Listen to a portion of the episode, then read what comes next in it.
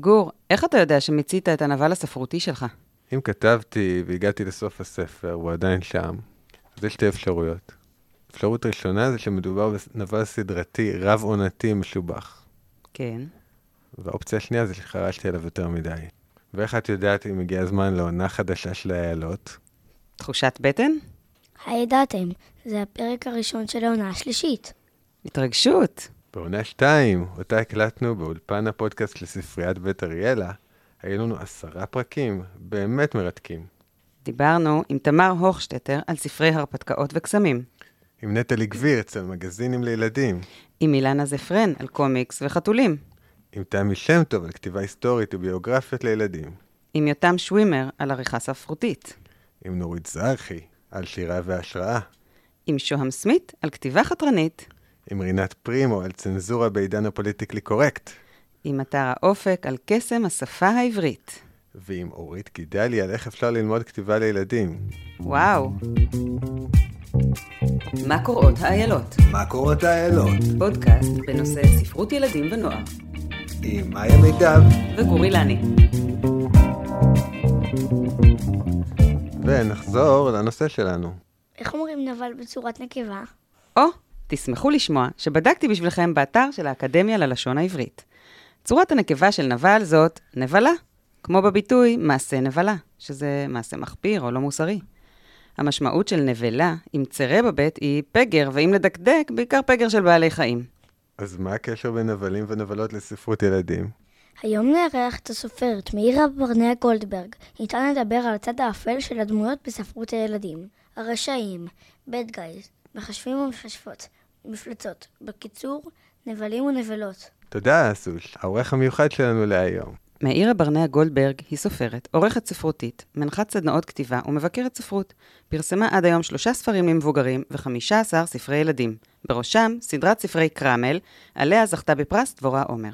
הסדרה, שזכתה בארץ להצלחה מטאורית, עובדה לטלוויזיה, הצגת ילדים, ואף זכתה לפסטיבל משלה בדיזנגוף סנטר בתל אביב, אליו הגיעו עשרות אלפי ילדים. היי מאירה, טוב לראות אותך. תודה, תודה. מאיפה את מגיעה אלינו? מפתח תקווה הקסומה. קסומה והרחוקה. אל תצחקי, היא באמת קסומה. בספר הבא שלי היא הולכת לקבל אה, מקום מאוד אה, מכובד. מחכה לשמוע על הקסמים שמתרחשים בפתח תקווה. אה, לפני הכל, שאלון האיילות. שאלון האיילות. איור או טקסט? יחד? לא, קשה להפריד. עלילה או דמויות? יחד? מה זה השאלות האלה? מה זה?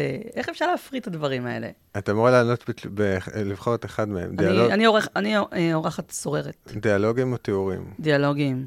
טבע או עיר? עיר? תכנון מראש או כתיבה בלי לדעת מה יקרה? יחד. מאוד מעניין. כן. את הראשונה שאמרה יחד על גם- זה. אני אספר לכם גם איך, אם תרצו, אבל כן, כן, יחד. כן, כן. ספרי לנו. כי בדרך כלל אה, ממש אנשים אה, בוחרים, בוחרות. עכשיו או אחר כך לספר. ספרי. כן, עכשיו. כל ספר שלי נכתב בצורה אחרת. אוקיי. אה, גם אם אני מתכננת מאוד מאוד מאוד, ואני מתכננת מאוד מאוד מאוד, בדרך קורים הרבה דברים שלא תכננתי, אז לפעמים אני מרשה לעצמי לא לתכנן עד גבול מסוים. כלומר, אני רוצה לדעת מה יהיה הסוף, מאוד רוצה לדעת מה הסוף לפני שאני מתחילה, אבל איך אני אגיע לסוף הזה?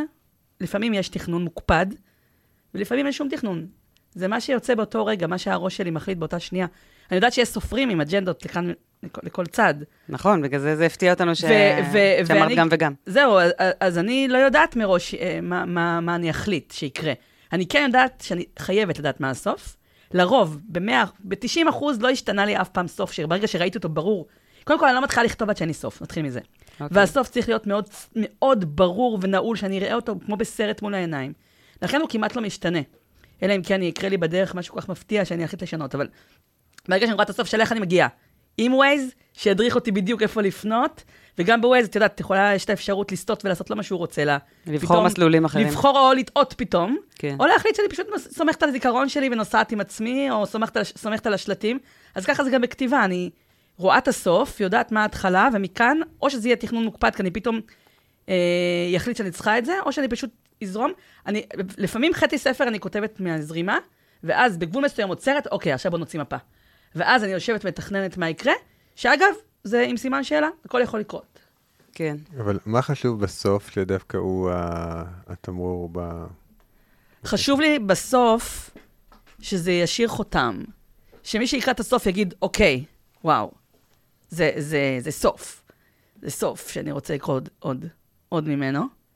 אז זה אה, סוף שמשאיר טעם של או עוד. זה סוף, סוף שמשאיר אנשים או עם מחשבה מסוימת, או שאני יודעת שזה פשוט, יש לי, זה מין תחושה פנימית, קשה לי להסביר אותה. זה צריך להיות סוף. שזה, שזה ברור שזה עוצמתי, שקרה פה משהו. זה לא סוף קטן רגעי של פרק, אלא הסוף. כשאני כותבת הסוף, אז תדמיינו אותי ככה אומרת באמת, הסוף, עם ידיים ככה פרוסות לצדדים, כמו שלא רואים שנעשה עכשיו. כן. הסוף. סימן קריאה. אז מאירה, מה מדליק כל כך בדמויות מרושעות? אני לא רואה סיבה לכתוב משהו בלעדיהן, את האמת. למה? כי אם הם לא שם, אז הכל נורא משעמם. כן? כן, אני די בטוחה. מעניין. למה אה, בכלל צריך את החלוקה הזאת של אה, טוב מול רע? אי אפשר שהכל יהיה טוב בספר? ילדים רכים, נפשותיהם העדינות, למה אנחנו צריכים את כל הרשע הזה? תראי, קודם כל, את יכולה לשאול את הילדים בעצמם. כשאני פוגשת אותם, אני שואלת אותם, אתם אוהבים את הדמויות הרעות? ואומרים לי, כן! למה? כי בלעדיהם זה משעמם. עכשיו, אני לא מדברת על גיל שלוש. מדברת על כבר כיתה ב' כזה עד ומעלה, כן. עד 120. אני אכתוב עלייך, נגיד, ספר, ואת חמודה ומתוקה, ועושה דברים מאוד יפים לטובת הזולת. זה נורא משעמם. נורא. כאילו, אני יכולה לכתוב עלייך שני, שני פרקים ככה, על ה... אבל אם לא יהיה מי שיציק לך, ואז נראה מה זה עושה לך, ואיך את פועלת כנגד הכוחות שמציקים לך, אז זה יהיה משעמם. אה, ואני חושבת שגם בחיים יש נבלים. זו... אוקיי, נבלים מורכבים אגב, אבל, אה, אבל אין טוב בלי רע ואין רע בלי טוב, זה פשוט עובד ביחד. אז גם זה יותר מעניין כספר, כיצירה ספרותית, וגם זה בעצם אה, נותן איזה שהם כלים להתמודד עם רשעים במציאות. א', גם, אבל גם, תראו, יש דברים שאני לא יכולה לעשות, כי אני בן אדם טוב. אני מגדירה את עצמי כאדם טוב בבסיס. אני משתלטת על היצר הרע שלי. כי כל אחד בבסיס יש לו יצירה. אני צריכה להשתלט כל יום על הרוע שבי, ולהיות טובה. גם כי אני עכשיו דמות מוכרת, ושאמורה לייצג דוגמה לנוער בישראל, אז אני לא יכולה להיות רעה. ואני לפעמים עוצרת את עצמי מלהיות רעה, ולעשות דברים שאחרים, אני רואה שזה בא להם בטבעיות, הם, הם לא חושבים מה יגידו עליי. ובספרים, את פתאום נותנת דרור לעשות מה שבא לך עם הדמויות הרעות, כי הן עושות מה שהן רוצות, ואומרות מה שהן איזה דברים את רוצה אומרות. לעשות? אה, אני אתן אפילו דוגמה די מטופשת, אבל דוגמה מציאותית מהחיים. יש לי תו נכה למכונית שלי, כי אבישי הוא על הרצף האוטיסטי, הבן שלי. אם הוא איתי ברכב, מותר לי לחנות בחניית נכים, כי הוא זקוק לזה. אם הוא לא איתי ברכב, אסור לי לחנות בחניית נכים בשום צורה שהיא. זה לא חוקי וזה לא מוסרי. אבל נגיד אני עכשיו שלוש שעות חיפשתי חנייה, ואין שום חנייה. אין שום חנייה. אני שלוש שעות חיפשתי, אין שום פתרון. ואני רואה תו חניית נכים פנו- פנויה. ועכשיו אני אומרת, מי ידע?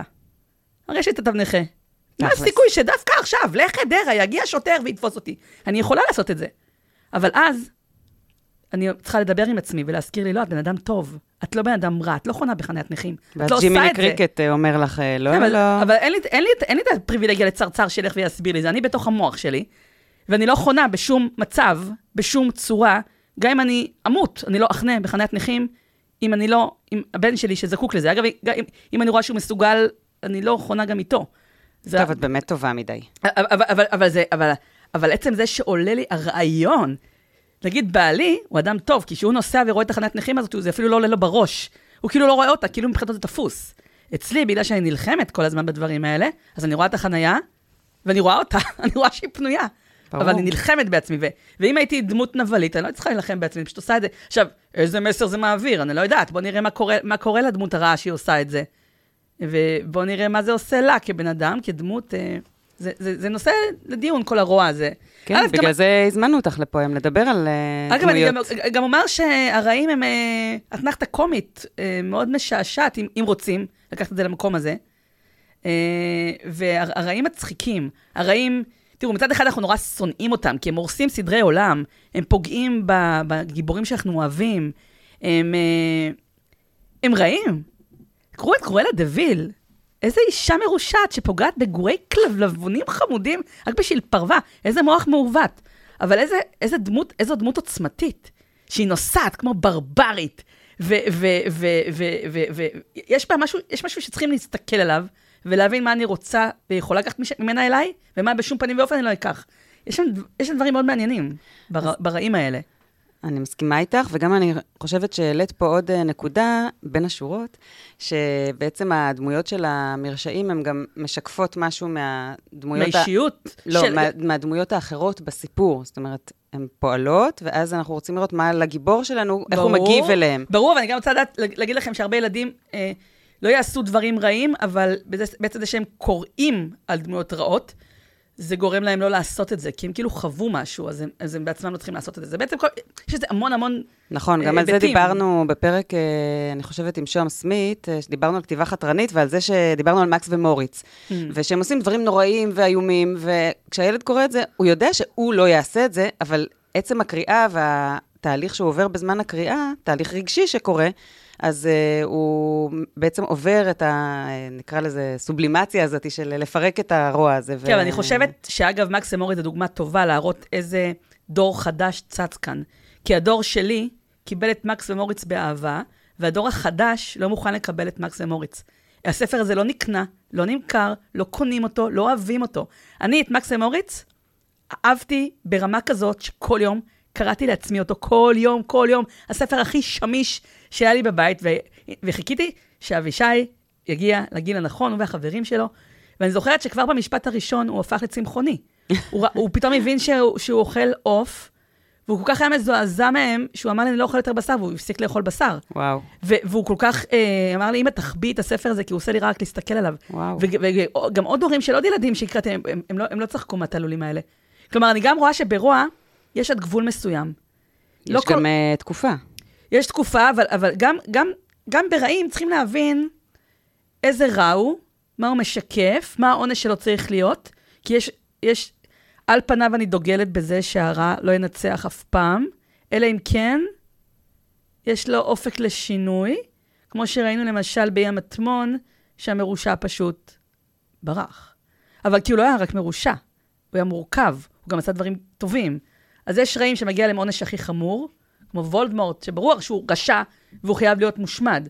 ויש רעים שיש להם, יש להם אה, עתיד. הם עוברים תהליך. גם אם עוברים תהליך, הם עדיין נשארים רעים, עדיין יש להם תקווה. והעונש אצלם הוא יותר, אה, יותר רגוע. נדבר על זה בהמשך אם תרצי, אבל לא כל נבל מקבל את... לא כל סופו של נבל לתלייה, כן? כן. יש נבלים שניצלים ויש להם גאולה. אז בעצם את מעלה פה את העניין של דמויות מורכבות. זאת אומרת, נבל הוא לא רק רע וטוב, נגיד, יש איזושהי תלונה על סרטי דיסני, שבמעבר מהעיבוד של מעשיות האחים גרים, הם השטיחו את הדמויות והפכו את הכל לסטריאוטיפ אחד של כן, לא, שחור, לבן. והאימא החורגת היא רעה, וכל האימהות החורגות הן רעות, והיפות הן חכמות וטובות, והמכוערות הן רעות וטיפשות, זאת אומרת, החלוקה הזאת. קרה משהו מאוד נוראי עם הדיסני הזה, כי ככה אני גדלתי, שהטובות יפות, הרעות מכוערות, uh, פחות מורכבות, זה השפיע עליי מאוד קשה בהתחלה, לקח לי הרבה זמן להבין לבד שזה לא נכון, אבל זה לא רק דיסני, גם הדרדסים, גרגמל, הוא היה רשע. כאילו תמיד הסבירו, הסבירו לנו מי הרע, מי הטוב, ואני רואה שהרבה ילדים קשה להם לצאת מה, מהדבר הזה, ו, ואני רואה את זה, התחלתי לתת את הדוגמה של הארי פוטר, את סנייפ, שעד היום לא, לא כולם הבינו אם הוא טוב או רע. כן. יש איזה מאבק, ובאמת לא צריכים להבין, זו, זו תשובה מאוד מורכבת. זה שהוא היה עם הטובים בסופו של דבר, זה לא הופך אותו לאדם טוב, כי עובדתית הוא התעלל בילדים נפשית. כן. אבל את ההתעללות הזאת הילדים שוכחים ברגע ש... ש... שסנייפ מת, אני בכיתי. אני בכיתי כי זו הדמות שאני הכי אוהבת בהארי פוטר, ולמה אני הכי אהבתי אותה? כי היא מורכבת. כי הוא לא רק טוב והוא לא רק רע. הוא בן אדם. הוא בן אדם, אבל הוא עשה דברים איומים. הוא התעלל נפשית בנוויל, וזה דברים איומים ונוראים שאי אפשר לסלוח לו על זה, פשוט ככה, רק בגלל שהוא בחר את הצד של הטובים בסוף. אבל הילדים שוכחים את זה. ילדים, כשאני אומרת להם שסנאפ הוא סנייפ רע, כולם כועסים עליי, מה פתאום, הוא טוב. ובספר שלי יש דמות כזאת שיש עליה ויכוח אם היא טובה או רעה. יש את גברת בלום.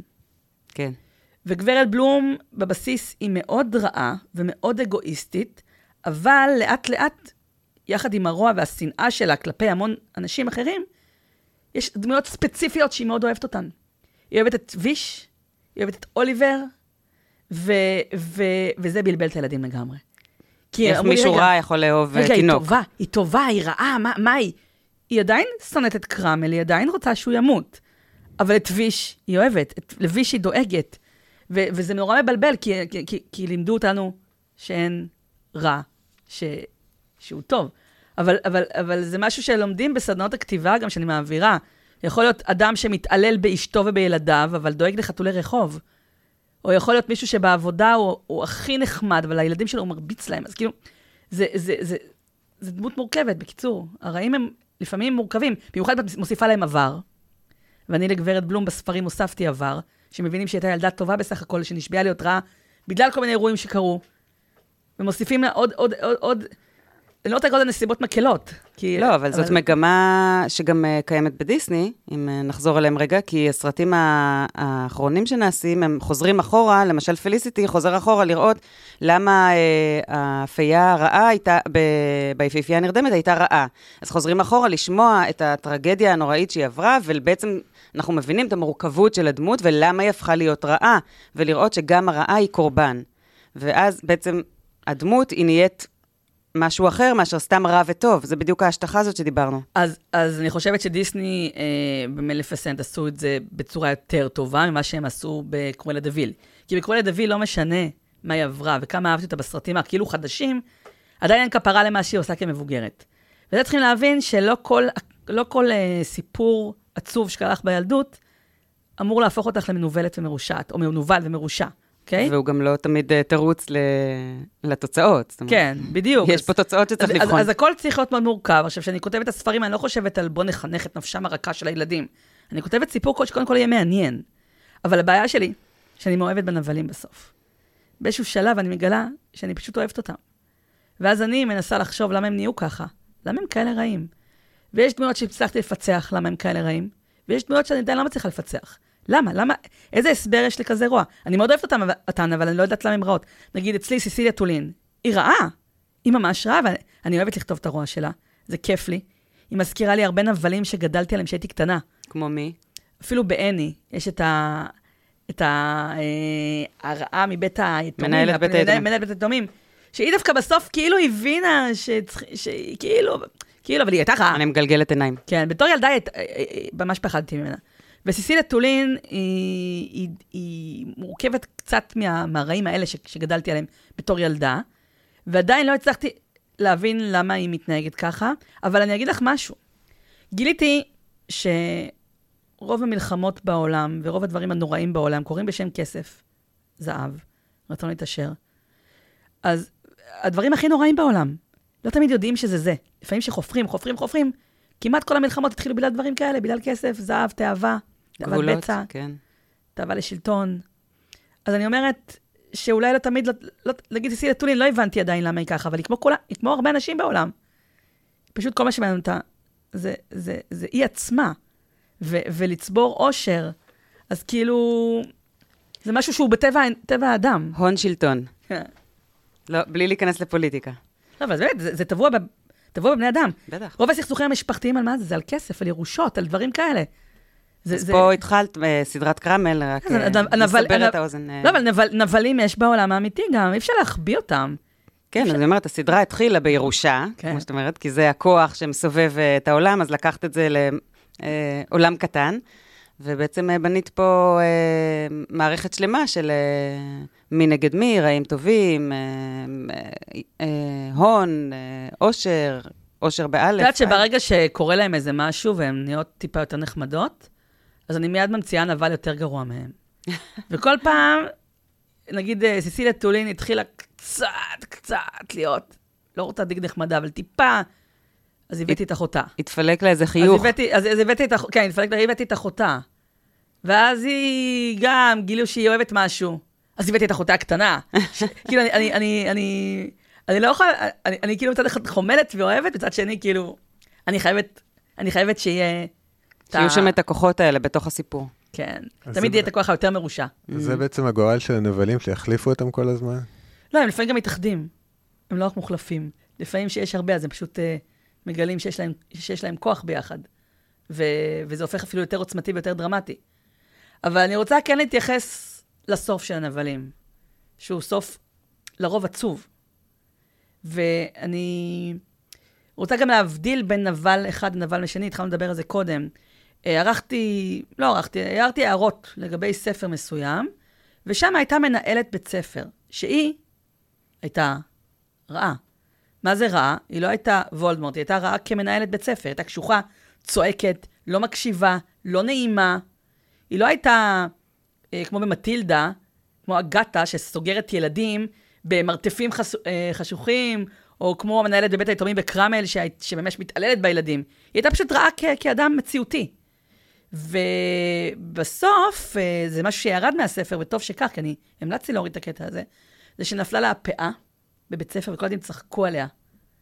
והרגשתי, כתבתי לסופרת, שזה לא סוף שמתאים לנבלית הזאת. כי בשביל שפאה תיפול לראש לאישה, ושיצחקו עליה וישפילו אותה, וכל הילדים צוחקים, זה כבר מרגיש כמו אלימות. ולא עושים דבר כזה, והמנהלת היא לא מנהלת רעה. זה שהיא אישה קשוחה, והייתה איומה ומרושעת לילדים, זה לא היה ברמת רשע שזה הסוף שלה. לא, לא, לא, לא ראיתי שזה מה שמגיע לה. מגיע לה אולי שלא יקנו לה מתנה לסוף שנה, או שבסוף אה, יגידו לה את האמת בפרצוף, מה חושבים עליה, אבל בסוף משפיל... שיימינג. זה, זה, זה לא, והורידו את זה, לשמחתי הרבה. זה לא סוף מתאים. במטילדה יש את הקטע ש, שהמנהלת, אה, רואים את זה גם, גם בסרט וגם בספר, שהמנהלת בסוף זורקים עליה מלא מלא ירקות, והיא בורחת ורצה. היא הייתה רעה, עם התעללות נפשית בילדים, אז כאילו הסוף הזה כאילו יכול לעבור, אבל לא כל נבל צריך את הסוף הזה, אוקיי? והנבלים שלי לא יקבלו סופים כאלה בחיים. הנבלים שלי יצאו בכבוד מה... הם, הם, הם, הם ישלמו את, ה, את העונש על המעשים שלהם, אבל לא יצאו מושפלות, ותמיד תהיה להם את האופציה לחזור. כי אני אוהבת אותן. אז איך uh, כותבים דמויות מנוולות ו- ונבליות שהן לא סטריאוטיפיות? קודם כל צריך להיות ברור מה האופי של כל אחת. בהתחלה אני זוכרת, ש... תראו, כשהתחלתי לכתוב את קרמל, לא, לי את הכ... לא היו לי את הכלים שיש לי היום. היום אני כותבת הרבה יותר טובה. וגם אני יותר מבינה את ה... מבינה ספרות. יותר חקרתי, יותר למדתי. כשכתבתי בהתחלה את הספר הראשון, לפני המון המון שנים, בהתחלה ההערה הראשונה שקיבלתי מהעורכת זה שסיסיליה טולין וגברת בלום נשמעות אותו דבר, ולא צריך את שתיהן, לבחור אחת. ואני ידעתי שאני לא יכולה לבחור אחת, וששתיהן אה, חשובות לי. אז היא אמרה לי, אז אני לא מבינה מה ההבדל בין שתיהן. וזאת ההערה הכי חשובה שקיבלתי אי פעם מעורכת, כי זו ההתחלה שלי כסופרת. שצריך לאפיין כל אחת לא, uh, ידעתי, בשביל להצדיק את קיומה בסיפור. ידעתי בראש שלי מה ההבדל ביניהן, אבל באמת כשקראתי את זה אחר כך, ראיתי שבאמת uh, לא ברור. ואז יצאתי לתחקיר דמות מעמיק, כדי לדעת מה המניעים של כל דמות, מאיפה כל אחת הגיעה, מה קרה לה בילדות, לאן היא הגיעה לפני שהיא הייתה סתם נבלית. אתה לא תוקע סתם נבל כי אתה צריך שם מישהו רשע, בשביל העלילה. כשאני מכניסה דמות, אז אני צריכה להבין אותה, להכיר אותה. ויצאתי למסע חקר מאוד ארוך, ולהבין אה, מאיפה כל אחת הגיעה. באמת רצינו לשאול אותך איזה תחקיר את עושה לדמויות. קודם כל אני מציירת. אני לא מציירת טוב, אגב, אני מציירת גרוע, אבל אני מציירת, מנסה לצייר את הדמות. אבל את ש... מבינה את הציור. כן, אני, רק, אני לא מראה את זה לאף אחד, רק בעלי רואה. בדרך כלל זה בית? לא, זאת אישה. בא לי שתציירי לי פה. לא, לא, לא, לחסוך לך את עוגמת הנפש. אני לא עוצרת את עצמי מלצייר בזה שאני לא טובה לצייר, אני מציירת. אז אני קודם כל מציירת אותה. ואני חושבת על uh, מה היא עשתה כשהיא הייתה בכיתה ב'. איך קיבלו אותה בכיתה א' לכיתה? עכשיו, אם אני רואה שהיא הייתה מלכת הכיתה, אז היא תהיה, היא תהיה רעה אחת. אם היא תהיה מה, מהילדות הדחויות בבית ספר, היא תהיה רעה אחרת. כן. אוקיי? אם ההורים שלה אהבו אותה, היא תהיה אה, רעה מסוג אחר. אם ההורים שלה היו הורים מזניחים, היא תהיה רעה אחרת. עכשיו, אני אומרת רעות, רעות, רעות, רק בגלל שאני מאוהבת בגברת בלום עכשיו, אבל יש לי גם רעים. יש לי גם רעים, ואגב, שמתי לב שאם אני מכניסה מדענים ומדעניות, כולם מרושעים. אני לא הצלחתי להבין, את יודעת, אני עכשיו uh, מעבירה מפגשים עם, uh, עם מכון דוידסון, ואני נמצאת הרבה במכון ויצמן, ואני כל פעם אומרת, איפה המדענים המרושעים? כן. והמדעניות המרושעות שלכם, כי אני לא, לא רואה כאלה אצלכם. Uh, ו... ואני מגלה שהם לא, לא מרושעים. איפה דופנשמירץ? אין מרושעים, מסתבר. ב, לפחות לא, לא, או שמסתירים את זה ממש ממש טוב. המדע לצידנו. כן, אבל אני אגיד לך שזה התחיל בבית ספר, אני שנאתי את שיעור מדעים, אני, אני תמיד הרגשתי שאני לא טובה בשיעור הזה, והמדענים נראו לי פשוט מרושעים. אה, גם לא הצלחתי לבצע שום אה, ניסוי כהלכה? ניסוי, ניסוי, כן. אז זה כנראה מה שהתחיל בילדות, אז עוד פעם, אז אם יש לי מדען... שיעור שיקויים? אז אם יש לי מדען מטורף, ואת אשתו, ואת ילדו, אז אני, כמו בקומיקסים, אה, למשל, או כמו בפרופסור דוויל, אז אני צריכה להבין עוד פעם גם את העבר שלו ומה הרצונות שלו. וגם פרופסור דוויל, שהוא מנוול ומרושע, והוא עדיין מנוול ומרושע, פתאום לאט-לאט החולשות שלו מת, מתגלות, וזה מה שמבדיל נבל לנבל. החולשות שלו.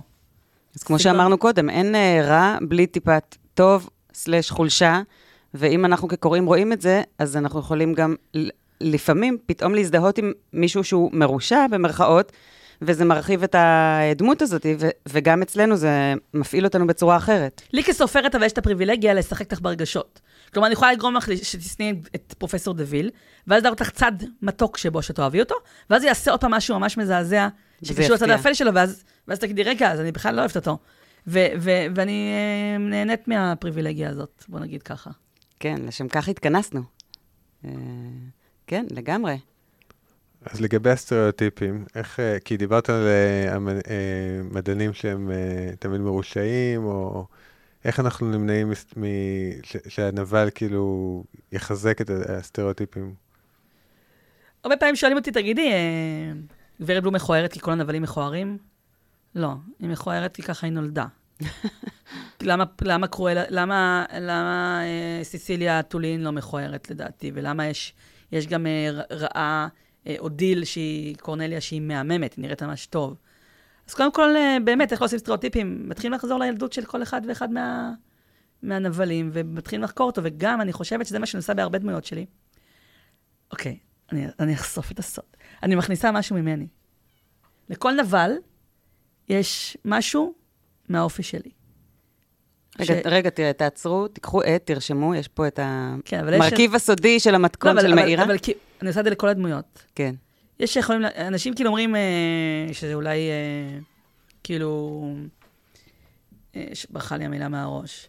כאילו, בגלל שאת אוהבת את עצמך כל כך, אז את נרקסיסטית. אז את מכניסה. מכולם. עכשיו, אני כל כך לא, אבל אני חושבת שאני צריכה לתת טיפת נשמה בכל אחת מהדמויות. ככה את מחיה אותם, את הופכת את כן. פינוקיו לאמיתי. אז, אז אני תמיד חושבת, אה, מה ממני אפשר להכניס לדמות, לכל דמות, גם לרעים, גם לטובים, אה, גם ל... ל, ל אני, לא, אני לא רוצה להגדיר אותם כטובים. אולי בספר הראשון יש את החלוקה של רעים וטובים, אבל בספר השני כבר ברור ש, שגם לכל רע יש איזה משהו טוב, ולכל הטוב יש משהו רע. אז אני מכניסה משהו ממני. ואז אה, ברגע שאני מכניסה משהו מהנשמה שלי לתוך הדמות, היא לא סטריאוטיפית, כי, כי אני. משהו ממני שמה. אני לא יודעת אם כל אחד יכול ורוצה לעשות את זה, כי זה לחשוף הרבה.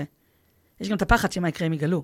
אולי אחרים עושים את זה בצורה לא מודעת, כי כל דמות שאנחנו כותבות, אז uh, אנחנו שמות שם את הנשמה שלנו, אנחנו כותבות אותה, גם אם היא רעה, אנחנו צריכים לאהוב אותה, כדי אבל לכתוב אותה טוב. אני חושבת על אירוע שקרה לי והחשתי בו, ואז אומרת מה היה קורה אם היא הייתה מתנהגת ככה וחשה כמוני, ואז יש הזד... רמת הזדהות מאוד גבוהה.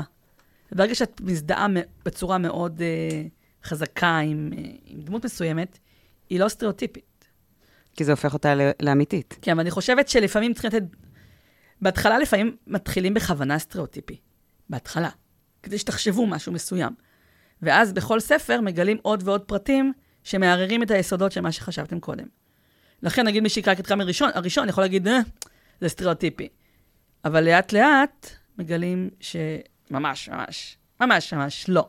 כן, גם במהלך כל סיפור אה, יש תהליך שהדמויות עוברות, ואז הן יכולות להיחשף, יכולים להיחשף כל מיני צדדים שלהן. זהו, אז אצל, אצל הרעים שלי פשוט, אה, זה מה שאני עושה, חושפת אותם לאט-לאט. מקלפת. לאט. ובעדינות. ו, ומה עוד uh, מרכיב אותן? למשל, uh, uh, יש את ה... Uh, דיב- דיברת קודם על לאפיין דמות, שנבדיל בין המרושעות של, uh, של הספר הראשון, בין גברת בלום לסיסיליה טולין, אז יש למשל את נושא השפה, שאת uh, לקחת את זה מאוד uh, ברצינות.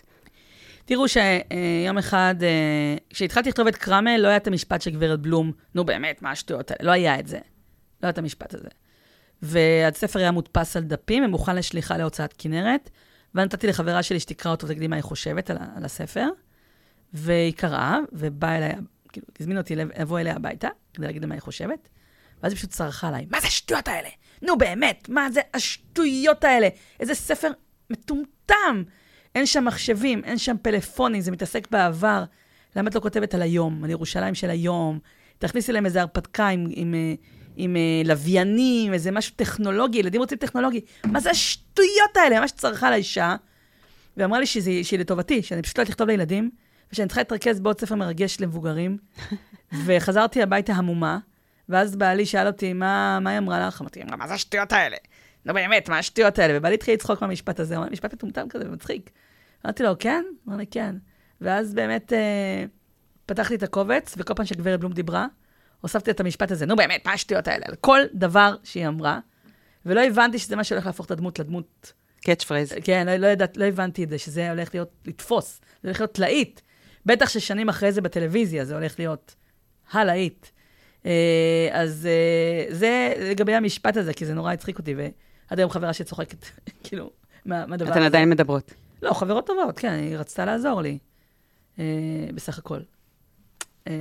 ולגבי סיסיליה... היא עזרה לך. כן, עזרה לי מאוד, את האמת.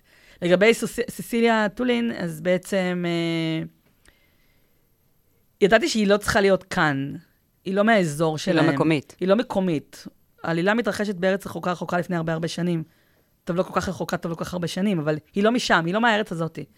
אז הוספתי לה את הרייש הזאת, המתגלגלת. רייש. אחרי כל, אה, אחרי, כל פעם שהיא מדברת, הרייש, היא סוחבת אותה. ואז אה, לפעמים בדיאלוגים אני אפילו לא צריכה לכתוב, אמרה, אמר, כי ברגע שהיא אומרת, אז יודעים מי זאת. ואפשר לשחק עם זה בהרבה כיוונים. ואגב, אפשר לדבר על שמות של נבלים. יאללה. איך בעצם בוחרים את השם של הנבל. וטולין, זה בכלל אה, יש, אה, יש סיפור יפה של, של ארנב טולין. אדוארד טולין. כן, אדוארד טולין. של קייטה קמילו. כן, שקראתי את זה. הייתי בלי משקפיים. ספר שמי שחסר לו קצת אה, בכי בחיים, מוזמן. ספר מאוד יפה, אבל קראתי אותו כשהייתי בלי משקפיים ולא ראיתי ניקוד. אז, אז בעצם סיסיליה טולין זה בעצם עיוות של השם של הארנב, שקוראים אותו בלי ניקוד, כי לא, כי לא, זה לא היה מולי וקראתי לו, זה, זה עיוות של השם שלו, בקיצור. כי לפעמים את הנבלים, אני נותנת, להם, נותנת שמות של מי שאני מאוד מאוד אוהבת. אז יש נגיד את, אה, את אה, סיסיליה טולין, שטולין זה באמת מהארנב, אבל קורנליה ואודיל, הר, הר, הרעה מקרמל 2. קורנליה זה אה, קורנליה פונקה, שכתבה את לב של דיו, שזה ספר שאני אוהבת. אודיל זאת הרעה מאגם הברבורים, הבת של, ה, הבת של הקוסם. נגיד, יש גם רעה בשם סנשיין, זה נורא נחמד, כי סנשיין זה כזה משהו שמח. קרן שמש. והיא גם נראית כזאת כמו קרן שמש, היא כזאת יפה. היא כזאת יפה ומהממת, והיא רעה ומנוולת. ופרופסור דה ויל זה מחווה לקרואלה דה ויל כמובן. וגם כי זה הצחיק אותי שאפשר לקרוא לו פרופסור דה ביל. כן. והרבה ילדים, אגב, עלו על זה בלי שאני... לא צריכה להגיד להם, אני לא צריכה להגיד לילדים, פרופסור דה ביל. הם, הם, הם, הם, הם הבינו לבד שאפשר לקרוא לו פרופסור דה ביל, והם באים אליי בהתלהבות. טוב, זאת לא בדיחה אם צריך להסביר אותה. כן, זהו, אז כאילו, אז הם באים לזה בהתלהבות. אה, אז אני מאוד אוהבת לבחור שמות של אה, נבלים ולחשוב טוב טוב על השם שלהם. אני ממש אה, יושבת ובודקת מה בא לי, מה לא בא לי, איך, איך אני מתחברת אליו, כי אני צריכה מאוד לאהוב. זה כמו שתינוק נולד והם אומרים לך, תסתכלי עליו ותדעי איך הוא... כן, צריכה להגיד בקול את השם, לראות אני... איך זה מתגלגל כן, על הלשון. כן, לפעמים אני אומרת למאייר לצייר אותה רגע, לעשות לי סקיצה של האיור שלה. אה, נחמד. ואז אני רואה, ואז אני בוחרת את השם של, ה, של הנבלים. מגניב. מה יכול להפיל דמות של נבל, להפוך אותה לפחות מוצלחת? קודם כל, אני חושבת ש... חושבת שצריך להיות לו, ש, שנבין מתישהו את המטרה שלו. אני חושבת שצריכים להבין למה... אם אני לא אבין למה הוא מתנהג כמו שהוא מתנהג, לא שזה יוסתר ולאט לאט יובן, אם פשוט ההתנהגות שלה פשוט מאוד מאוד לא מובנת. ומאוד מאוד אה, לא מעניינת. קודם כל, הדמות של הנבל צריכה להיות מעניינת, מסקרנת. אם זה לא מעניין וזה לא מסקרן, וה, ואני לא מבינה את המטרה שלו, והוא עושה דברים בלי שום... אה, נראה זה כל דמות, זה לא רק דמות של נבל. כל דמות, אני צריכה... אם אני רוצה שהם יאהבו אותה, אני צריכה ש... או ישנאו אותה, אגב. אז היא צריכה להיות... שיתעורר רגש. כן, היא צריכה לעורר איזשהו רגש, אז קודם כל, כאילו, צריכים, לה, צריכים, אה, צריכים לכתוב אותה פשוט בצורה טובה, לא יודעת איך לפרוט לך את זה עכשיו לזה, אבל היא פשוט צריכה להיות מעניינת. אני תמיד אומרת שהכלל הראשון בכתיבה זה לא לשעמם. אני לא יכולה להכניס דמות שהיא פשוט קמה בבוקר, שותה כוס קפה, כן, כן, כן. הולכת לעבודה. היא יכולה לשתות כוס קפה, ואז יקרה משהו מאוד נורא בדרך של הכוס קפה שלה. יהיה משהו כן, בתוך יהיה הכוס. משהו בתוך הכוס. יקרה משהו. משהו משהו צריך לקרות לה. זה לא יהיה קפה. אגב, היא יכולה להתחיל כדמות משעממת, ואז בעקבות מה שיקרה לה, היא תהפוך ל... למי שהיא. אבל אני, אני חושבת ש... אני צריכה לאהוב אותה קודם כל. אם אני אוהב אותה, היא תהיה דמות מעולה. אם אני לא אוהב אותה, היא כנראה לא תהיה, כי אני באמצע הספר אשת- אשתעמם ממנה ויוציא אותה. אז אפשר גם אה, לקחת, אה, נגיד, אה, איזה שהם הרגלים של בני אדם, של הדמויות, ואז לשחק איתם, ו- וכדי לייצר את המתח, לייצר, אה, נגיד, מה זה מרשעת? זה שאת הכוס, אה, את הסוף של הכוס קפה, היא תשפוך נגיד לאיזה עציץ, שהוא כל הזמן ימות מזה, אז את יודעת, כל מיני דברים קטנים כאלה שבונים את הדמות, ואז היא לא שטוחה. כאילו, דיברנו על דיסני, על ההשטחה הזאת של הדמויות, ו- ובעצם אנחנו רוצים שיהיה להם המון המון פרטים קטנים שירכיבו את מי שהם, כמו שאנחנו, כמו בני אדם. ברור, וזה מה שעושה, זה בדיוק מה שעושה את ההבדל. בדיוק, בדיוק, בדיוק. אגב, יש לי גם עציץ בקרמל 7. אז, לא אה, סתם אמרתי. לא סתם אמרת עציץ, יש עציץ בקרמל 7, עציץ ש... שמישהו כמעט שופך לשם משהו. איזה מזל שעוצרים אותו, כי זה לא סתם עציץ, אבל אבל לא נעשה ספוילר. לא נעשה ספוילרים, כן. אה, כן. תגידי, אה, דיברנו על תחקיר שאת עושה לקראת הדמויות, להכיר אותם אה, במהלך החיים שלהם ומה גרם להם להפוך להיות מי שהם. אה, חוץ מזה, איזה עוד, אה, אנחנו לפעמים אוהבים גם ככה, במיוחד מי שמנחה סדנאות, קצת אה, טיפים והנחיות לכתיבה. אני עכשיו רוצה להמציא לי דמות מרושעת ונבלית, אה, נבלה, דרך אגב, Mm. אה, בספר. מה, מה הדבר הראשון? לא יודעת, אני צריכה לעצום עיניים ולדמיין אותה. מהרגע שדמיינתי וראיתי איך היא נראית, ואני, ואני מתחילה... לפעמים אני חושבת, מה הדבר הכי גרוע שיכול היה לקרות לה, ואיך היא מתנהגת בסיטואציה הזאת? שאלה שאני אוהבת לשאול, לשאול את עצמי. מה הדבר הכי נורא שקרה לה, או שיכול לקרות לה? מה היא עושה בכל סיטואציה כזאת? מי עוזר לה? יש לה מי שעוזר לה? אין מי שעוזר לה? ואז מגיע, מצטרפים עוד נבלים, כי יש תמיד עוזר. אני מתחילה לבנות פשוט את הסיפור. אגב, אני בונה הרבה סיפורים שלא נכנסים לתוך הספר עצמו. רק בשביל שאני אבין. שתדעים איך היא הייתה מתפקדת בסיטואציות שונות. שאני אבין. בעיקר, אגב, אני מנסה להבין, עוד פעם, זה, זה כל כך עמוק, ואני, ולפעמים זה, העומק חודר לדמות. אני מנסה להבין אה, באמת אה, אירועים מכוננים שקרו לה בילדות ובבגרות, שהפכו אותה לבן אדם המבוגר שהוא היה. כי אני, כשאני חוזרת אל עצמי, מה השפיע עליי כמבוגר? אה, המון אירועים טראומטיים מבית ספר, מבית ספר יסודי וחט, והחטיבה. אירועים שממש נחרטו לי בזיכרון, אני אספר סיפור שאני זוכרת שמאוד אהבתי לשחק גוגואים. מאוד אהבתי לשחק גוגואים. זה הדבר הכי אהוב עליי בהפסקה. אה, כי לא היה שם מקובלים ולא מקובלים, מי שהיה לו גוגואים יכל לשחק. כן. ואני התאמצתי מאוד מאוד לאסוף גוגואים, כי ידעתי שעוד מעט מתחילה העונה, ש- שיתחילו המשחקים, וממש השקעתי. היה לך אוסף? אני לא אוהבת מישמישים בכלל, אבל, אבל שכנעתי את כל המשפחה לאכול. הייתי עושה דברים נוראים ואיומים כדי שיאכלו גו- מישמישים וייתנו לי גוגואים, והגעתי למצב שיש לי קופסה מלאה בגוגואים, ואני זוכרת שהלכתי עם אה, חברה שלי לבית ספר, מרוצה, מה, שאני יכולה לשחק מה שאני רוצה, איזה דוכן שאני רוצה, כי, כי יש כל מיני סוגים של דוכנים. ואמרתי לחברה שלי, תחזיקי, הייתי איתה בשותף כזה, תחזיקי לך לשירותים, וכשחזרתי עבר ילד, שזה ילד שכולם פחדו ממנו, זה היה ילד, היה, בכל שכבה יש את הילדים האלה שפתאום כולם מפחדים מהם, אף אחד לא מתעסק איתם, הוא בא, ונתן, היה, היה נהוג לעשות דבר כזה, לעשות כזה בום כזה לקופסה, כל הגוגואים התפזרו, וכל הילדים, תקשיבו, זה ילדים שהם היום מבוגרים, בגילים, התנפלו על הגוגואים וגנבו אותם, לקחו אותם לעצמם. וואו. זה היה מין כזה, דבר כזה שמישהו, מישהו עושה את זה למישהו אחר, צועקים קולולוש, ומישהו רשע מעיף למישהו אחר את הכל, את כל האוסף שלו שהוא אסף, אגר וזה, והילדים, במקום לאסוף ולהחזיר לו, כמו שאמורים לעשות בחברה מתוקנת, גונבים את זה לעצמם. ואני בדיוק יצאתי, יצאתי מהשירותים בשיא של, ה, של הילדים שיושב, שאוספים את זה, מתנפלים על הגוגויים שלך. ברור, כי זה כיף. זה כיף ל- ואז אמרתי לעצמי, כאילו, איזה... איזה... לקחת את זה. קודם כל ידעתי שלא עשו שום דבר לילד הזה. ברור. לא עשו לו שום דבר. אף אחד לא מבין את הצער ואת הכאב שאני עוברת בזה הרגע. אם אני אגמליז לדבר על זה, אז יצחקו עליי שאני מטומטמת. כאילו, מה, את, כמו כולם, את חלק מהחבר'ה, זה משהו שעושים כולם. אבל הסתכלתי על האיש, על הילד שעשה את זה, והוא היה נבל, והסתכלתי על כל הילדים ששיתפו פעולה, ושראו אותי עומדת עם דמעות בעיניים וממשיכים לגנוב את זה. ואני זוכרת שאמרתי למורה שזה לא פייר. ואז היא חייכה אליי, היא לא, היא לא עשתה כלום, היא פשוט חייכה. למחרת הביא לי ארבעה גוגלים, ראיתי שזה כואב לך, אז קחי. ואז הבנתי איזה עולם מגעיל אנחנו, מה, מה זה הדבר הזה? איזה... אף אחד לא עוזר לי. אף אחד לא עוזר לי, אי אפשר לספר את זה לאף אחד, כי אז יצחקו עליי. כולם פה השתתפו במשהו ממש ממש מרושע. שאת אומרת, "ת- תרגיז, זה כולה גוגלים. והמבוגר האחראי לא עזרה לך. המבוגר אחרי חייך, אמר, "אה, אה", כזה. ואז אתה, זה, זה, זה אירוע שלא יצא לי מהראש. זה אירוע ש... עוד פעם, אנשים יגידו, מה, מה את מתרגשת? אפשר לחשוב. אבל לא, זה מתחיל בזה. ואני מסתכלת על כל מפגש בין מבוגר לילד, כמפגש לא נעים, אם, זה, אם אני לא מכירה, אם, אם מבוגר ניגש לילד שהוא לא מכיר אותו, זה מפגש שלא, של, שלא נעים לי. אני אתן סתם דוגמה. אני זוכרת... אה, אני, אבל אני, יש חוק שמבוגרים לא מדברים עם ילדים לא שלהם, לא? אז אני אתן סתם דוגמה. לא, אני אתן סתם דוגמה אה, בסיסית שאני רואה, ש... הנה, אה, שאני הייתי, הייתי עם אבישי, הבן שלי, הרבה בגני שעשועים, ואני זוכרת קטע שהיה לפעמים זמן לחכות לנדדה. אם את באה לגן מש... מסוים שהוא עמוס, לחכה לנדדה בסבלנות. ואז uh, אני התנדדתי, ובנדדה השנייה, ילד uh, ישב, בדיוק התיישב, אחרי שהוא חיכה 20 דקות, התיישב. פתאום בא אבא עם ילד, טוב, התנדדת מספיק, תרד. והילד ירד. למה? כי לא היה לו את האימא שלו לידו. הילד פשוט ירד. כי מבוגר פנה אליו ואמר לו, והילד השני עלה. ואז אמרתי, זה כאילו סיטואציה שלא קרה בשום, לא קרתה בשום דבר. הילד ההוא גם לא הרגיש איזה משהו, הוא הלך למגלצ'ה, הוא... כן. אני הרגשתי לא טוב. הוא הרגע עלה, אין אף אחד שיגן על הזכות שלו. בא איזה אבא ואמר לו לרדת, אז הוא ירד, והעולם שותק.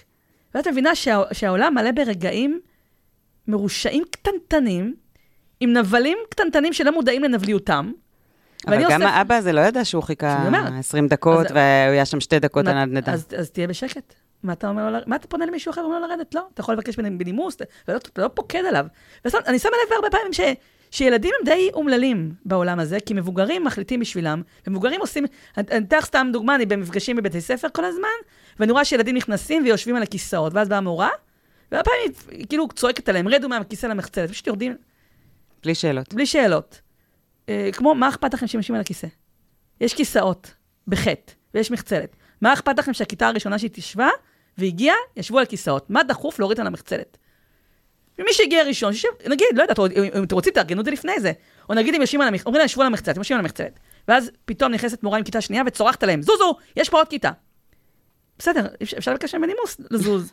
לא, לא, לא, לא בכל בית ספר זה קורה, אבל גם את מגיעה לבית הספר, ואת יודעת שזה מה שאני אומרת לך קורה. שלפעמים 20 דקות זה רק, רק, רק צרחות וצעקות על איפה הם יושבים.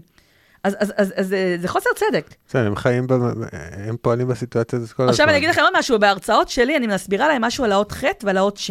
ואני אומרת להם, תגידו רגע את האות ח', והם אומרים. תגידו רגע את האות ש', והם אומרים. אז אני מסבירה להם משהו.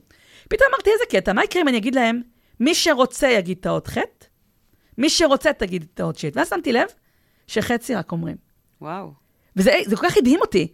כי אם אני אומרת להם, בגלל שאני מבוגר, אמרתי להם, תגידו רגע את האות ח', כולם אומרים. ואני אומרת להם, זו בחירה שלכם, מי שרוצה שיגידו, אז רק חצי. ואז כאילו, איזה קטע, איזה קטע זה?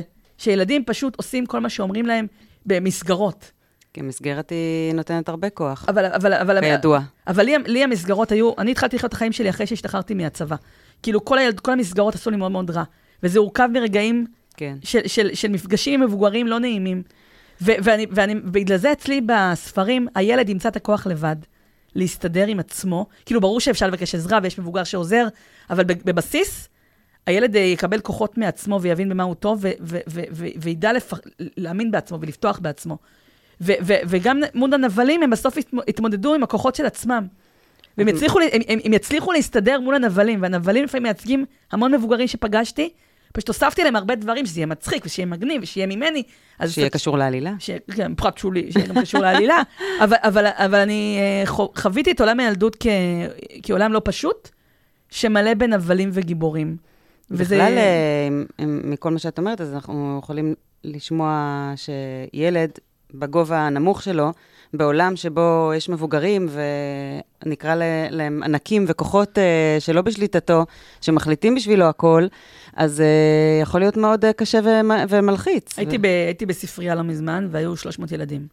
ו... והמבוגרים לא, נכנ... לא נתנו להם להיכנס, כי לא היה מקום.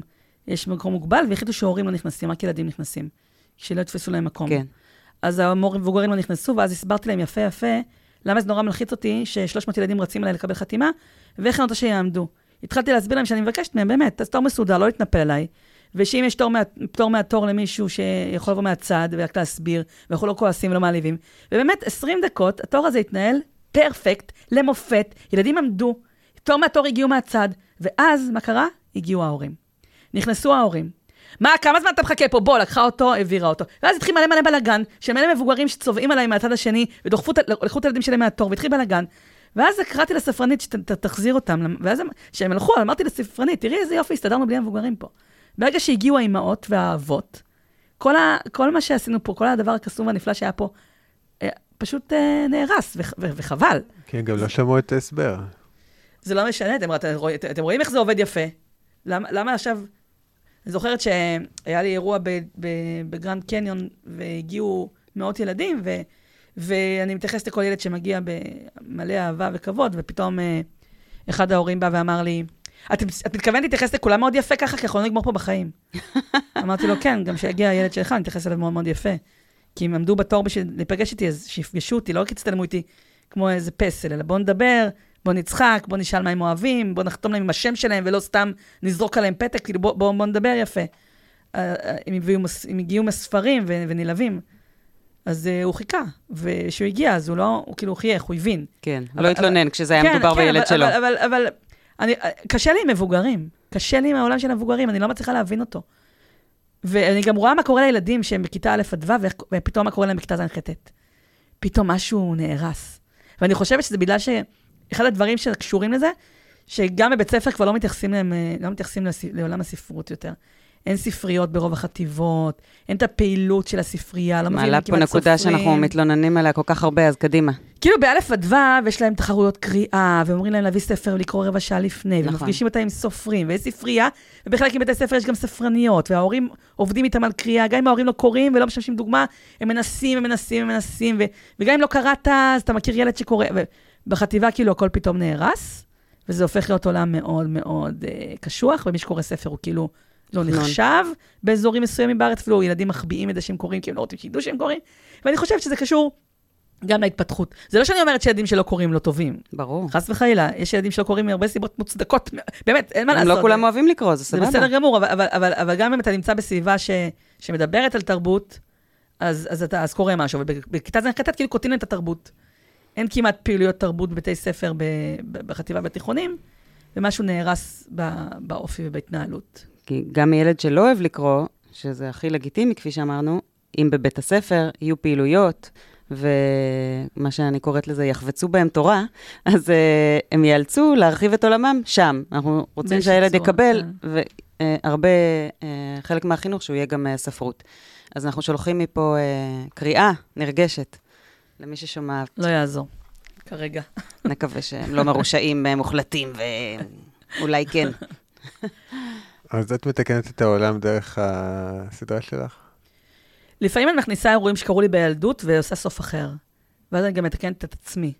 אבל את העולם, אה, זו מילה גדולה, אני מנסה, אני מנסה לעשות משהו. מנסה לעשות משהו. אה, אני, עם, עם, עם הקטע, אני לא רוצה לדבר עכשיו בכוונה, כי לא בשביל זה התכנסנו, על הדמות של הבן שלי, אבישי, שנכנס כדמות בשם ויש, ופה באמת אני רואה שאני מצליחה לתקן, אני ממש רואה... כאן יש לך תחושת שליחות. כן, אני ממש רואה איך אה, ילדים על הרצף האוטיסטי, אחרי שהם קוראים את הספר, הם נורא גאים בעצמם, ואני רואה איך היחס כלפיהם משתנה בכיתות שפגשו אותי או שקראו את הספר. אבל uh, מה שמעניין פה לספר כבר על הדמות הנבלים, הנבלים אוהבים את ויש. הדמות, uh, דווקא הדמות של הילד על הרצף האוטיסטי, הנבלים לא פוגעים בו. הם אוהבים, הם, הם, הנבל, הנבליות והנבלים, ואז דרך העיניים שלהם, בעצם אה, הילד שקורא יכול אה, לראות הסתכלות, התבוננות אחרת על, ה, אה, על הילד הזה. זה על מעניין. ההתנהגות, על הדברים שהוא אומר, ואם ילד, נגיד, רגיל, במרכאות, לצחוק על משהו שונה ממנו, או לזלזל, אז פתאום הוא רואה את זה דרך עיניים אחרות, ואז כבר הרווחנו, אנחנו רואים את המציאות ממשקפיים אחרות. גם ויש לא מפחד להגיד מה שהוא חושב, גם לנבלים, מה שאחרים לא עושים. הוא יכול לה- להגיד לכל אחד מה שהוא רוצה, הוא לא, הוא לא מפחד. כן, ואז כאילו, גם אם אה, הוא מפחד, הוא נבל, מפחד, הוא, הוא מעריך את זה. כן, ואז פתאום יש איזו התבוננות אחרת גם על הנבלים וגם על, וגם על הילד עצמו. כן, זה משנה את כל המערך אה, ההסתכלות הזאת, ו... אני חושבת שזה עושה, עניין. שזה עושה טוב גם לספר, כספר, וגם למה שקורה מחוץ, ל, מחוץ לעולם. אני, לה- לציין שאני לא מנסה, לא ניסיתי לתקן, אני לא מנסה לחנך. פשוט חושבת שהרבה דברים מהחיים שלי ומהשקפות העולם שלי זולגות לספרים בלי שאני אתכוון, כי ככה זה קורה. כן, ככה זה. ואז זה לא שניסיתי לחנך, פשוט זה קרה כי אני כזאת. אני, אני מאוד משתדלת להיות אדם טוב, אני יודעת מה המגרעות שלי, אני יודעת איך בקלות אני יכולה להפוך לנבלית בעצמי. קרה לי בעבר שאיבדתי את, אה, את העשתונות, ושהתנהגתי כמו ברברית, ו, ועשיתי דברים רעים, אבל לשמחתי, בעשור הזה אני מאוד uh, משתדלת, ככל שאני גם uh, התפרסמתי יותר ורואים בי כמודל, אז אני מאוד מנסה להיות בעצמי. גם ילדים אבל, לפעמים עושים דברים מרושעים, ואז פתאום לקרוא על זה, ולראות שזה לא סוף העולם, שאם עשית דבר מרושע אחד, זה לתקן. לא הופך אותך לנבל, ואפשר לתקן, אפשר ל- ל- לבקש ולקבל סליחה, אפשר לשנות דברים. אה, העולם הוא לא שחור לבן, אז אה, יש פה אה, כאילו ערך חינוכי רק בלהראות דברים מכל מיני כיוונים, אם, אם אנחנו כבר מחפשות ערך חינוכי. יום, יום אחד הגעתי לבית ספר, זה, זה, זה מה שאני לא יכולה לשכוח, בחיים אני לא אשכח את זה. סיפרתי את זה, אבל אני חייבת לספר את זה כי זה כל כך קשור לזה. דיברתי איתם על נבלים ועל uh, דמויות מרושעות, ודיברתם גם על ויש, והתחלתי לספר להם איך ויש מתמודד עם הנבלים, ופתאום מתחילים לבכות. הבנות בכיתה מתחילות לבכות. כי מסתבר שהיה להם ילד אוטיסט בכיתה בשנה שעברה, הוא עזב אותם, את הכיתה, הם התעללו בו, כולם. הם באו אליי אחרי המפגש הזה לשאול, לספר לי קודם כל מה הם עשו. הבנים לא בכו, הבנים היו כזה, "אה, אה, אה", כזה. נהמו. הבנות, כאילו, אבל למדו גם, למדו כדי לשמוע מה אני אומרת להם. והבנות אמרו, מה, עשינו משהו לא טוב. ואז אמרתי שהם יכולים לתקן, אפשר להתקשר אליו, אפשר לבקש סליחה. אמרתי, אמר, אפשר להחליט שמעכשיו לא מתנהגים ככה. כל יום יש לך אפשרות להמציא את עצמך מחדש ולהיות אדם יותר טוב, לנסות להיות אדם יותר טוב. אני חושבת שזה מגיע ממישהו שהם אה, מכבדים, ולא סתם מטיף להם מוסר, אלא גם מספר מעצמו סיפורים על הילדות שלו, אז המסר עובר יותר חזק. כי כשאני מדברת על נבלים, אני מביאה דוגמה מעצמי. או כשהם קוראים את זה בספר, ואז הם בעצמם מבינים את, ה... את הדבר הזה. לא מישהו שמ- אמר להם, תהיו טובים. הם קוראים, מה קורה, מה עושות המילים, איך הן פוגעות, איך ההתנהגות פוגענית, מה היא עושה לקורבן, ואז הם בעצמם מגלים איך... אה, יש כאלה שזה עובר מעליהם, ויש כאלה שמבינים. בגלל זה זה צריך להיות, לחזור, לחזור על עצמו, בשביל שהעניין הזה יובן. אה, אני מאוד מרגש הסיפור. למרות שאני מכניסה המון נבלים לספרים שלי, ואני מאוהבת בהם ואוהבת אותם, וכל הבית שלי זה נבלים של דיסני, הם הכי מרושעים והכי דוחים בעולם. את מי את הכי אוהבת, דרך אגב? זה מה שהכי מציק, את קרואלה דוויל. למרות שהיא הכי רעה. היא הכי רעה, אבל את יודעת שגם אה, יש פה עניין, דיברנו על סטריאוטיפים, אז יש את העניין שהציגו נשים אה, עצמאיות וכאלה שהן אה, בלי בעל ומשפחה בתור מכשפות בדיסני. אז זה איזושהי סטיגמה שהם גם כן מנסים עכשיו קצת לשנות אותה. נדבר על זה עוד מעט, אבל רק להגיד שדווקא בגלל שיש כל כך הרבה נבלים, יש כל כך הרבה אפשרויות לטוב. כי מול כל נבל יש טוב. כי זה תמיד מראה או שיקוף. והטוב איך שהוא עוצר, הטוב איך שהוא בסוף, למרות הקשיים, מצליח, אה, הטוב מצליח להציף את העניינים. הטוב, הטוב בא ב, בהרבה יותר כוחות בסוף, מסתבר. בספרים לפחות. ובספרים האלה, אני, אנחנו, אנחנו מקוות שגם במדינה יהיה סוף טוב. אני מאוד מאמינה שהטוב חייב לנצח תמיד, וגם, ואם זה לא טוב, זה לא הסוף, כבר אמרו את זה רבים וחכמים לפניי. אה, ולגבי הנבליות, מתחתנות, לא מתחתנות, אה, דווקא הרבה רואים את זה כ... כמשהו מאוד פמיניסטי, שהיא לא צריכה את הגבר ש... ש... נכון, אבל אז מציגים אותה כמכשפה. כמכשפה. היא לא תהיה אה, רווקה ו... ומדליקה שחיה את חייה אז בכיף. רק להגיד שגברת בלום, אה, חזרו אחריה רבים וטובים. שמעתי. היא צריכה לבחור, והיא תבחר, ו- וכשהיא מתחתנת אז מעריכים ומעריצים, בעלה מעריץ אותה, יש להם זוגיות מאוד טובה. שניהם נבלים מרושעים איומים, איומים, אבל הזוגיות שלהם מהממת. הם מאוד מעריכים ומכבדים אחד את השני, ואת הרצונות של אחד של השני, וזה, וזה הנה עוד משהו שהוא משעשע. לא יודעת איך זה יצא לי. המערכת זוגית של פרופסור דוויל וגברת בלום, מזכירה מאוד את המערכת היחסים שלי ושל בעלי, שאנחנו מאוד מכבדים ואוהבים אחד את השני, ונותנים space אחד לשני. אה, מה שם- שיפה זה שהם התאהבו גם בתוך הספרים. בטח לא תכננת את זה בהתחלה. לא, אם בשום נחזור צורה. לתכנון אה, מראש. בשום צורה לא תכננתי שגברת בלום תאהב בו, היא פשוט באה אליו, היא מצאה אותו כל כך עלוב ומסכן, והיא נזפה בו, כאילו, מה אתה, מה אתה, מה אתה שוכב ככה? וכשהוא אמר לה, נראה לך שאני אגע בך, מה אתה מלטף אותך? מי- תכיני לי דייסה כמו אימא שלי, אני יודעת, אני- שאני אבשל לך? כאילו, השתגעת. כאילו, מה זה השטויות האלה? בטח שאני אבשל לך, והיא ניסתה להכין לו איזה משהו עם מים דלוחים בלי כלום, והוא- לא יודעת, קרה ביניהם- קרה ביניהם משהו שלא תכננתי, אפרופו לתכנן ספר או לא. כן, זה נורא יפה שהם מתאהב- שהיא- שהדמויות הן אה, קמות והן מעבר לספר, הם כבר יש להם חיים משלהם, והם באמת התאהבו. לא תכננתי, לא, והייתה התאהבות מאוד יפה, כתבתי את זה, אני זוכרת שמאוד נהניתי מזה. החתונה שלהם מגניבה, אה, הרבה דברים קורים שם. קיצור, אה, גם לרעים יש, יש אהבה, מסתבר. יפה. שאלה קטנה על, על מהלך של ספר, סתם פשוט בגלל מה שאמרת עכשיו עם החתונה. אפשר? בוודאי. קורה לך שכאילו, את לא, את, יש לך תוכנית לספר, אבל את מרגישה שאת לא מצליחה להכניס את כל התוכנית פנימה? כמו לדוגמה, אמרת עכשיו על החתונה, ואת אומרת, רגע, אבל החתונה הזאת אמורה להיות אה, רבע ספר, אבל עכשיו פתאום נהיית לי 80 אחוז ספר, ו... אני זוכרת שכשרציתי להיות סופרת, הלכתי להרצאות של סופרים. למזלי הייתי אחראית על העתודה של צומת ספרים, יכולתי להזמין איזה סופר שאני רוצה שיבוא לדבר איתם. ובאמת אה, ישבתי מול כל הסופרים הכי גדולים בישראל, ודווקא בהרצאה של דוד גרוסמן, הוא אמר משהו כמו ש... שפתאום הדמויות עושות מה שהן רוצות. כן. שהוא תכנן לכתוב משהו אחר, והדמויות עשו, ואני אמרתי לעצמי, כן, בטח. כל הסופרים מדברים על זה, והם מדברים שטויות. זה בחיים לא, זה לא נראה לי הגיוני מה שהם אומרים. אתה רוצה לכתוב משהו, אתה פשוט כותב אותו. מה זאת אומרת שהדמויות משתלטות לך וכותבות? לא הצלחתי להבין את זה, אז אני זוכרת שהייתי צעירה, רק אחרי, כאילו, הייתי צעירה יחסית, לא התחלתי לכתוב ספר בעצמי. וכשזה קרה לי בפעם הראשונה, הייתי עמומה. כן. הייתי עמומה, אמרתי, וואי, הם לא שיקרו. הם לא שיקרו, זה באמת קורה. אתה בא לכתוב משהו אחד, ופתאום הדמות, במקום לענות למה שרציתי ותכננתי שתכתוב, פתאום אומרת משהו אחר לגמרי, והם פתאום עושים מה שבא להם. כן. ומי שלא כתב ספר וזה לא קרה לו, חושב שזה משהו מטורף לגמרי וזה שקר, אבל זה קורה. ובגלל זה הרבה פעמים אני כותבת uh, ספר ויוצא משהו אחר.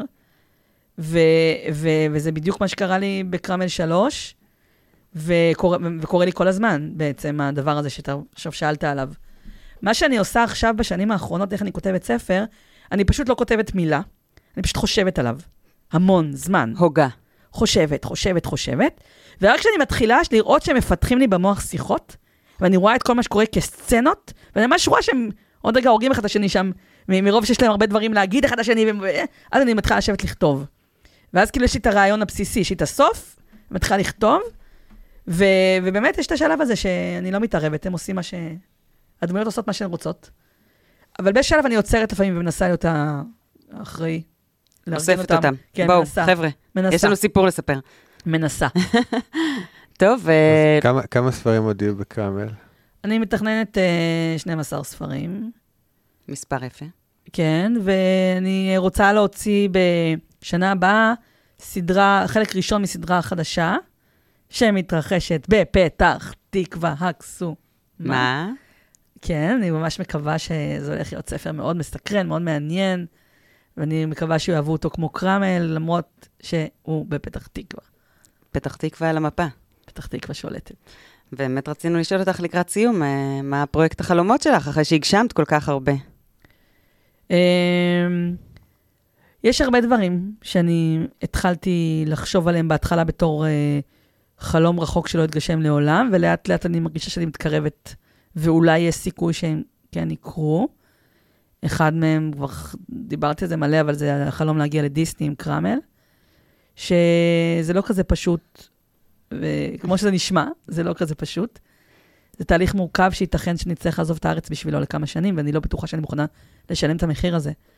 אני, כי אני לא רוצה לעזוב את המדינה הזאת אף פעם אה, ליותר מחודש, חודשיים של טיול בחו"ל. אז אני רוצה לדעת, אני צריכה לחשוב עם עצמי האם אני מוכנה לעזוב את הארץ לחמש שנים. בשביל קרמל. בשביל אה, להגשים חלום כזה גדול. ואם אני מוכנה לנתק את, את, את, את הבן שלי ממשפחה, ו... כי אומרים לי, כן, את רוצה ואת תצליחי, את רוצה ואת לא תצליחי. כאילו, אף אחד לא מבין שזה גם בעצם... פה זה לא שחור לבן. כן, זה לא שחור לבן, זה מאוד מאוד מורכב, אז אני מנסה בדרכים, בינתיים בלי שאני אעזוב את הארץ. אה, וזה דבר אחד. דבר שני, החלום האמיתי, שאני חושבת שהוא קשה, אבל אני אולי אצליח להשיג אותו, זה שהסדרה השנייה שאני אכתוב תצליח כמו קרמל. אה, זה... וזה קשה, כי, כי אה, יש הרבה סופרים שהיה להם רק את ההצלחה האחת שלהם, למרות שקרמל זה המון דברים, כי זה המון ספרים, וגם קומיקסים, ו, ועוד הרבה, והצגה, וזה, וזה, כן. וזה. אי אפשר לקרוא לזה משהו אחד. אי אפשר לקרוא לזה משהו אחד, אבל, אבל הבנת מה אני מתכוונת, קרמל. זה סדרה אחת. והשאלה אם אני אצליח אה, לכתוב משהו שיצליח להיות כמו קרמל. וזה מאוד מפחיד, זה מאוד מאוד מפחיד, וזה תלוי רק בי ובמזל. אז מה שאני יכולה לעשות אני, אני אעשה, הכל. אבל במזל אני לא יכולה להתערב, כי גם בקרמל עבדתי כל כך קשה, אבל היו אה, המון, אה, המון אירועי מזל בדרך. אז עכשיו צריכים לראות האם המזל יהיה לצידי עוד. אמן וכן. טוב, אה, התחלת מזה שפתח תקווה קסומה, אז uh, אני מקווה ש... שהקסם הקסם יחדור לזה, כן. כן. אי אפשר לפחות לגני תקווה או משהו? לא, לא, רק פתח תקווה. עיר. הכיכרות. מלאבס. עכשיו- הופכים את הכיכרות לרמזורים, אז עכשיו זה עיר הרמזורים. אה, זה פחות אה. קסום, כן. תשאירי כיכרות, אבל בשביל הספר. משתדל. אה, כן. אני בעד פתח תקווה, אני בעד ערים אה, באופן כללי פחות מפורסמות. בטח. אה, מה, עוד ספר על אה, תל אביב? די. אני אוהבת את תל אביב גם, אבל אה, אני רוצה לכתוב על מקום שאני מכירה כמו את כף ידי. כן. וזה מה שהוגרל במזלי, בגורלי, אני, אני פתח תקוואית. אז נותנת לנו תקווה. תודה, מאירה. תודה רבה תודה רבה. רבה. היה מאוד כיף לארח אותך פה. תודה על הכל. בהצלחה לפתח תקווה. בהצלחה לנבלים. כן, צחוק מרושע כולם.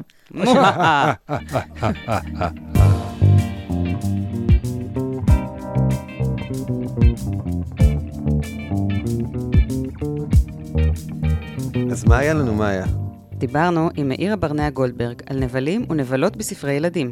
פירקנו את מרכיבי הרשע, וניסינו לחשוב למה זה חשוב, הזכרנו כמה דמויות הידועות בליבן השחור. וסיימנו בהפי אנד. ההקלטה באדיבות אולפן הפודקאסט של ספריית בית אריאלה, תל אביב-יפו.